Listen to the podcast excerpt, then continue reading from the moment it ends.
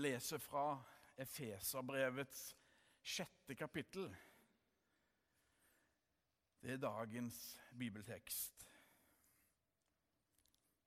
Til slutt, bli sterke i Herren, i Hans veldige kraft.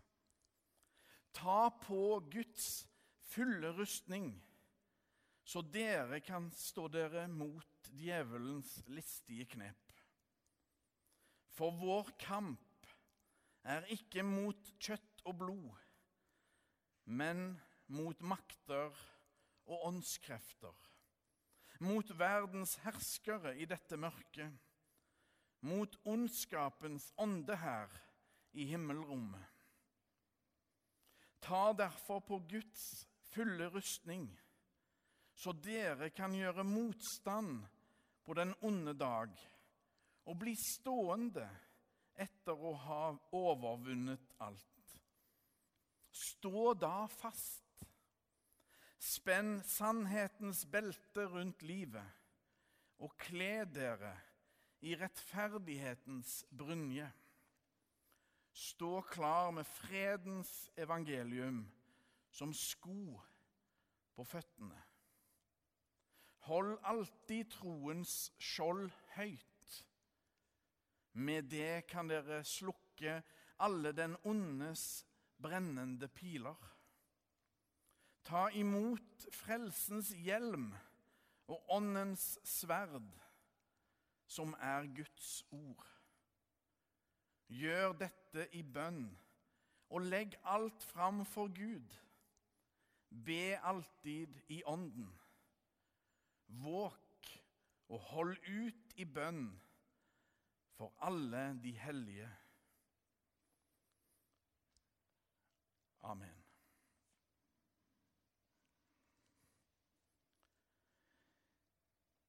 En rustning som tåler alt, hørte vi nettopp bli fortalt om. Det var den gang. Tilbake oss til vår tid.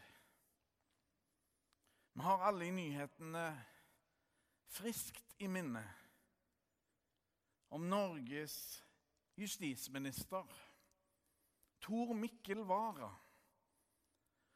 som over en periode nå har opplevd å bli angrepen av politiske motstandere. Og nå, for et par dager siden, opplevde han å få bilen sin satt i brann.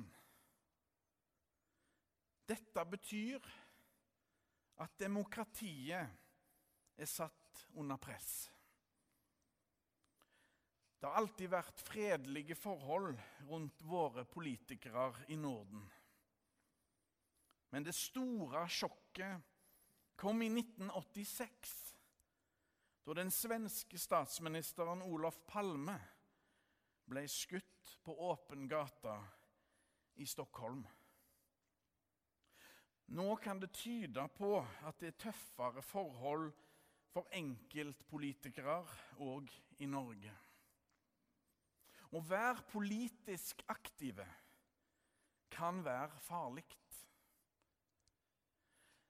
Det forferdelige som skjedde 22.07. i 2011, er et bevis på det. Det var vel den svarteste dagen i Norge etter krigen. Vold og tvang er fullstendig uakseptabelt. Politiske og religiøse fundamentalisme og fanatisme fører bare til ufattelige menneskelige tragedier.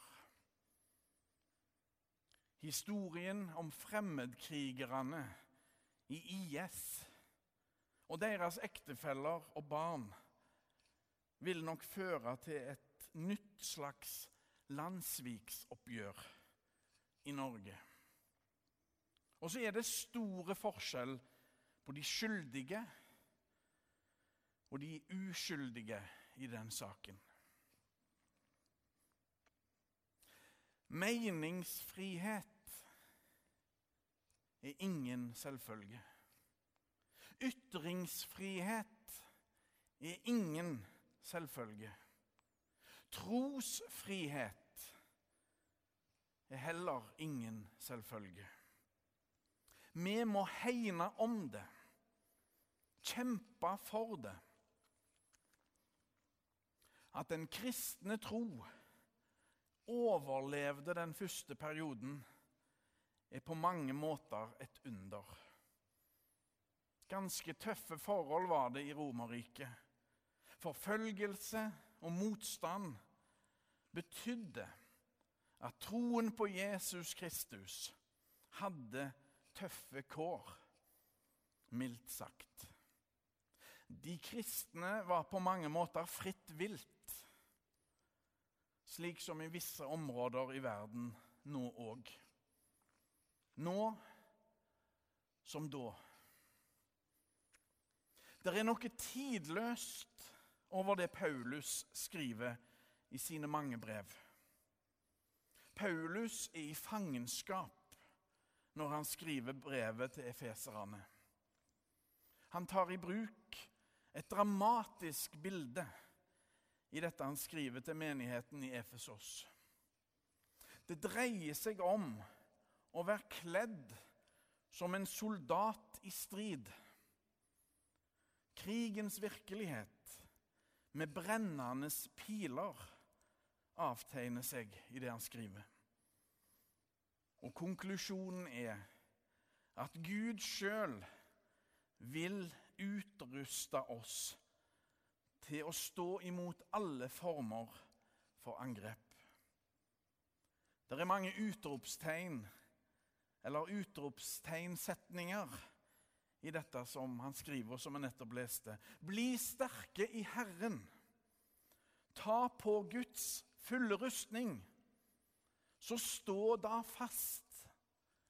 Hold alltid troens skjold høyt. Be alltid i ånden.